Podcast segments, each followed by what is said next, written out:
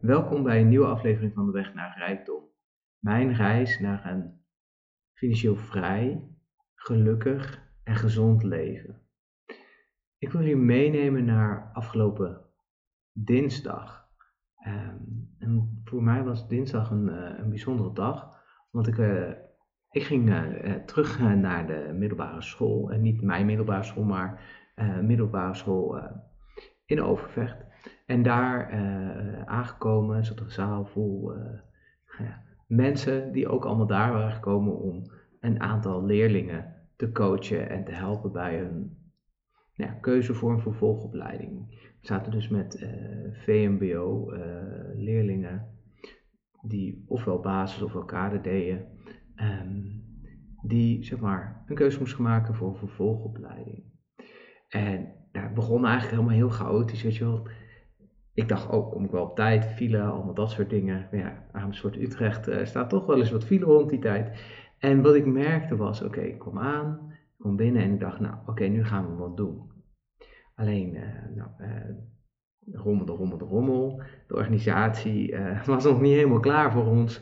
Nou, prima. En ze hadden ook, ze hadden eigenlijk dat ze tien minuten later zouden beginnen. Maar ja, ze hadden het maar niet gemaild, want ja, dan was iedereen tenminste op tijd. En dan de volgende keer konden we dan 10 minuten later beginnen. Nou, een beetje onhandig. Dus ja, dan begin je een beetje dat we praten en dingen. En ze zouden nog wat uitleggen. Ze zouden nog wat uitleggen wat we gingen doen, want ze zouden een bepaald spelletje doen. Nou, achteraf was het uh, potato potato, maar ik merkte wel een beetje de behoefte bij mezelf om uh, te weten wat er ging komen. En uh, toch de weg naar het bekende, van ja, ik wist niet wat we nou precies gingen doen dan krijg toch een soort uh, onzekerheid. Dat vind ik niet, niet per se erg. Maar het is soms wel fijn in zo'n voorbereiding. Je wilt toch goed doen voor die, uh, voor die uh, kinderen.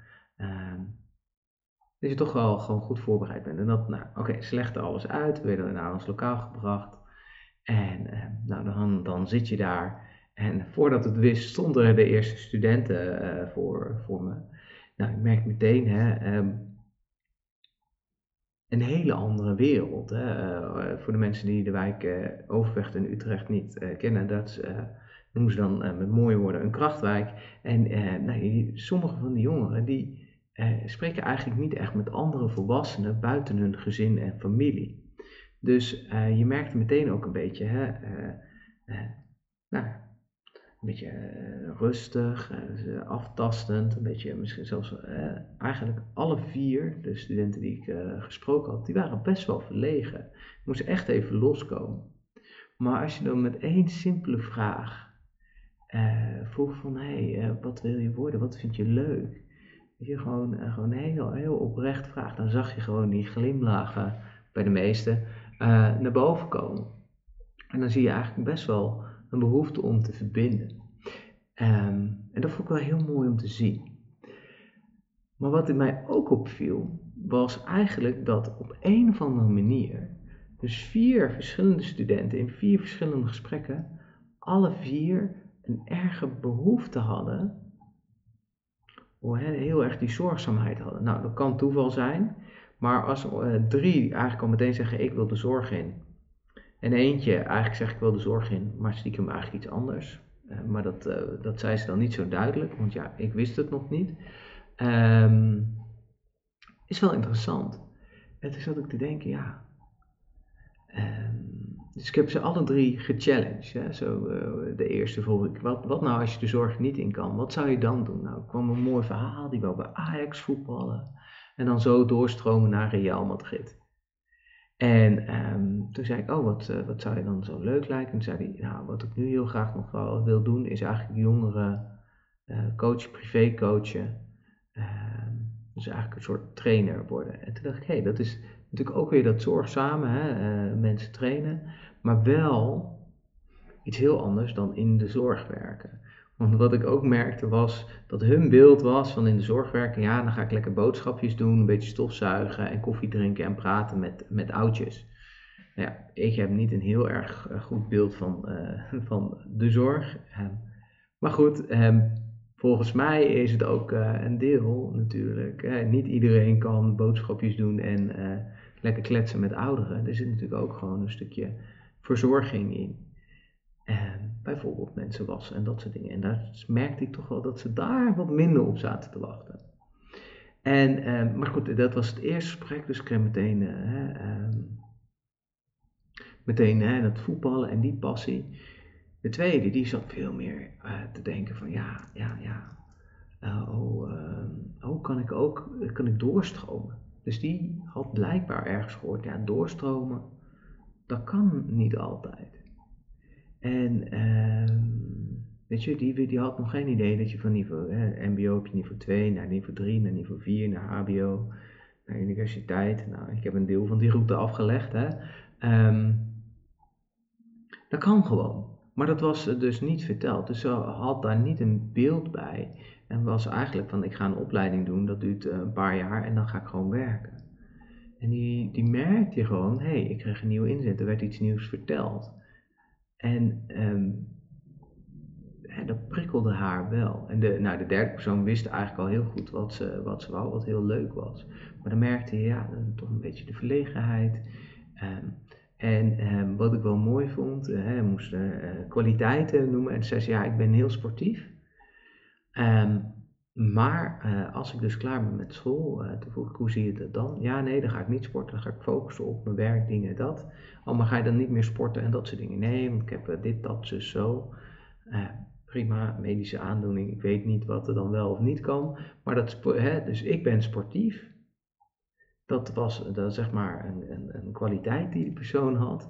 Maar als ze dan uh, klaar was met het VMBO, dan zou ze niet meer per se bezig gaan met sport. Oké, dus je merkte daar, daar zat ook alweer iets wat iemand tegen haar verteld had, wat ze als waar had aangenomen. En nou, het laatste gesprek was al, uh, denk je, nou, de eerste drie gesprekken waren eigenlijk wel redelijk gemakkelijk, want die laatste die was eigenlijk heel gesloten. Die zat ook een beetje zenuwachtig naar de kaartje te kijken. Maar er kwam een andere aap eh, uit de mouw, want er was gewoon iets persoonlijks gebeurd. En tijdens het gesprek werd ze nog even weggeroepen, want ze zou blijkbaar iets gedaan hebben. Dus het was ook nog maar de vraag of het gesprek zou afmaken. Dus daar zat gewoon een, uh, ja, nou ja, ik noem het maar, uh, wat oud zeer achter vanuit het verleden wat ze meedraagt en wat ze nog een plekje had te geven. En ik vond het wel mooi, want je zag bij alle vier de leerlingen dat ze de manier waarop ze het gesprek ingingen en met de inzichten die ze eigenlijk kregen door met iemand anders te praten buiten hun cirkel, um, dat ze anders het gesprek uitgingen. En dat vond ik wel heel mooi om te zien. Dat je dus eigenlijk in een heel kort tijdsbestek een, een soort band kan bouwen, maar ook zeg mee kan nemen en hun een ander inzicht kan geven. En waarom vertel ik dit nou? En niet omdat, hè, ja, natuurlijk vond ik het heel leuk om, om het coaching maar nog drie keer uh, met, uh, met deze groep aan de slag. Super. Maar waarom vertel ik het nou? Omdat ik merk dat in mijn eigen leven er ook heel veel mensen zijn die iets hebben gezegd. Op verschillende fases in mijn leven, waar toch, hè, dat je dan toch maar als waarheid aanneemt. Um, en soms ten goede en soms ten slechte misschien wel het beste advies wat ik ooit heb gekregen is, um, kies voor jezelf. Want een werkgever die kiest altijd voor zijn belang. Dus als jij niet op je plek bent, ja, dan kan je wel je loyaal gaan zijn, maar word jij daar als persoon beter van? Nee. En dat heb ik heel erg meegenomen. Dus ik ben altijd gaan voelen, past dit bij mij? Is dit wie ik ben? En als ik het gevoel had dat het niet zo was, dan ben ik gaan kijken, oké, wat zou ik wel willen? Ik merkte ook dat als je dus hè, ehm, vanuit een zwakte, dus je voelt, zit niet op je plek, dan gaat zoeken naar iets anders, ben je natuurlijk sneller geneigd om ergens ja op te zeggen. Dan als je denkt, nou, ik zit hier eigenlijk wel prima, maar we hebben gewoon een nieuwe uitdaging nodig. Dan ga je veel meer kijken en dan, hè, dan komen er ook andere kansen op je pad. Als ik het maar zo uh, kan zeggen. Dus eh, dat vond ik heel, heel interessant. Uh, iemand mij meegaf. Maar ik heb ook iemand gehad die zei: Menno, je bent hoogbegaafd. Nou, ik weet nog uh, hoe ik rondliep. Ik heb een boek lezen, ja, ik heb al eigenschappen. En dan dacht ik: ja, wat moet ik ermee? Totdat ik naar mezelf ging zeggen: hé hey Menno, ja, um, je hebt de eigenschappen, maar dat betekent het hoeft niks ergs te zijn. Jij bent gewoon jij en je mag gewoon jezelf zijn. Terwijl die anderen me eigenlijk een labeltje opduwden, waardoor ik het gevoel had dat ik me anders moest gedragen. Of ik kapot was, om het zo te zeggen.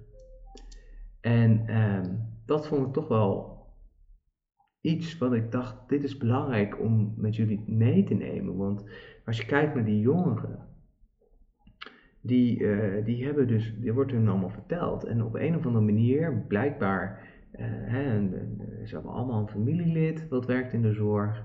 En dus ga je daar ook maar in mee in de zorg. Maar misschien ligt daar niet je ultieme passie, maar uh, is het meer de logische keus. En ik ben zelf ook heel erg van de logische keuze geweest. En, ehm, maar uiteindelijk, als je uh, eerlijk bent naar jezelf en je nadenkt, wat wil je echt? Dan weet je dat eigenlijk al lang. Alleen durf je daar niet altijd voor uit te komen. Ik weet bijvoorbeeld van mezelf nog, als ik even terug ga in de tijd. Uh, toen begon ik uh, bij mijn laatste baan in loondienst. En ik weet nog dat we met z'n drie zaten en dat zeiden, ja, ik wil heel graag, we zeiden alle drie, willen eigenlijk voor onszelf beginnen. Dus niet meer, hè, ik uh, doe detacheringswerk, dus die tussenpartij ertussenuit. En gewoon lekker eigen keuzes maken. En ik weet nog dat, uh, nou de, dat de eerste ging eigenlijk redelijk snel. Volgens mij na drie kwart jaar nadat we hè, dat gesprek hadden gehad, gingen we voor loondienst. En op een gegeven moment waren we, hè, corona kwam en, en toen was het een beetje einde corona. En toen zei de tweede, ik ga voor mezelf beginnen. En toen dacht ik, shit, ben nog over. En ik heb mijn droom eigenlijk in de koelkast gezet, omdat ik uh, ben gegaan voor de logische keus. En natuurlijk weer iemand zeggen, ja, iemand zei tegen me, Menno, ondernemen is niets voor jou. Alleen dat was dezelfde persoon die zei, Menno, je bent hoofdbegaafd en uh, daar moet je wat mee. Um, ja, misschien moet je daar wat mee. Dat je bewustzijn hebt dat je misschien anders denkt en doet dan bepaalde mensen. Maar jij blijft jij. En als je tevreden bent met jezelf, dan hoef je daar toch niks aan te veranderen. En um, um, dus toen dacht ik, ja, maar ik wil, ik weet diep van binnen dat ik dit wil. Dus ik heb dit te doen.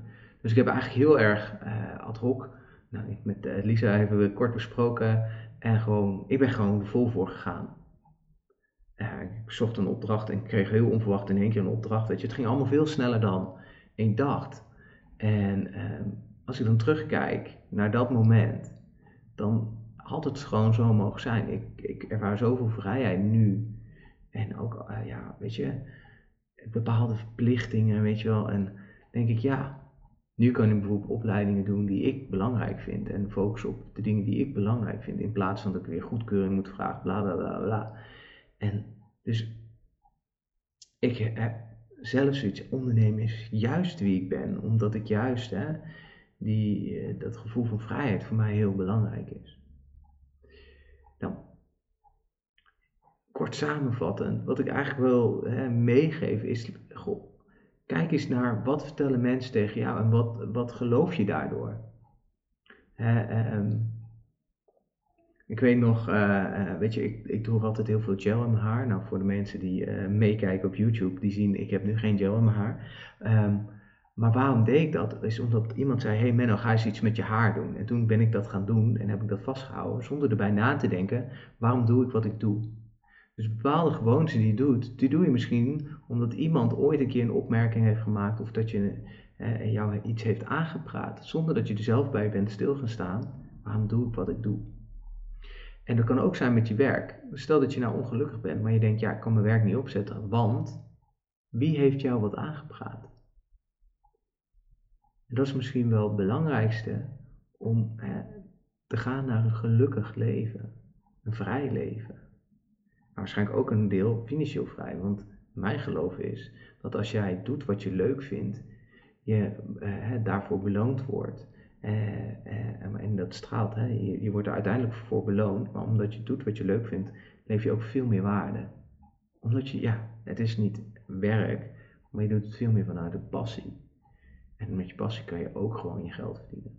Nou, dankjewel voor het luisteren. Vond je dit een waardevolle aflevering? Uh, laat het me vooral weten. Je kan natuurlijk altijd een duimpje of omhoog geven op YouTube of volgens mij sterren bij Spotify. Dat waardeer ik zeer. Dankjewel voor het luisteren en tot de volgende keer.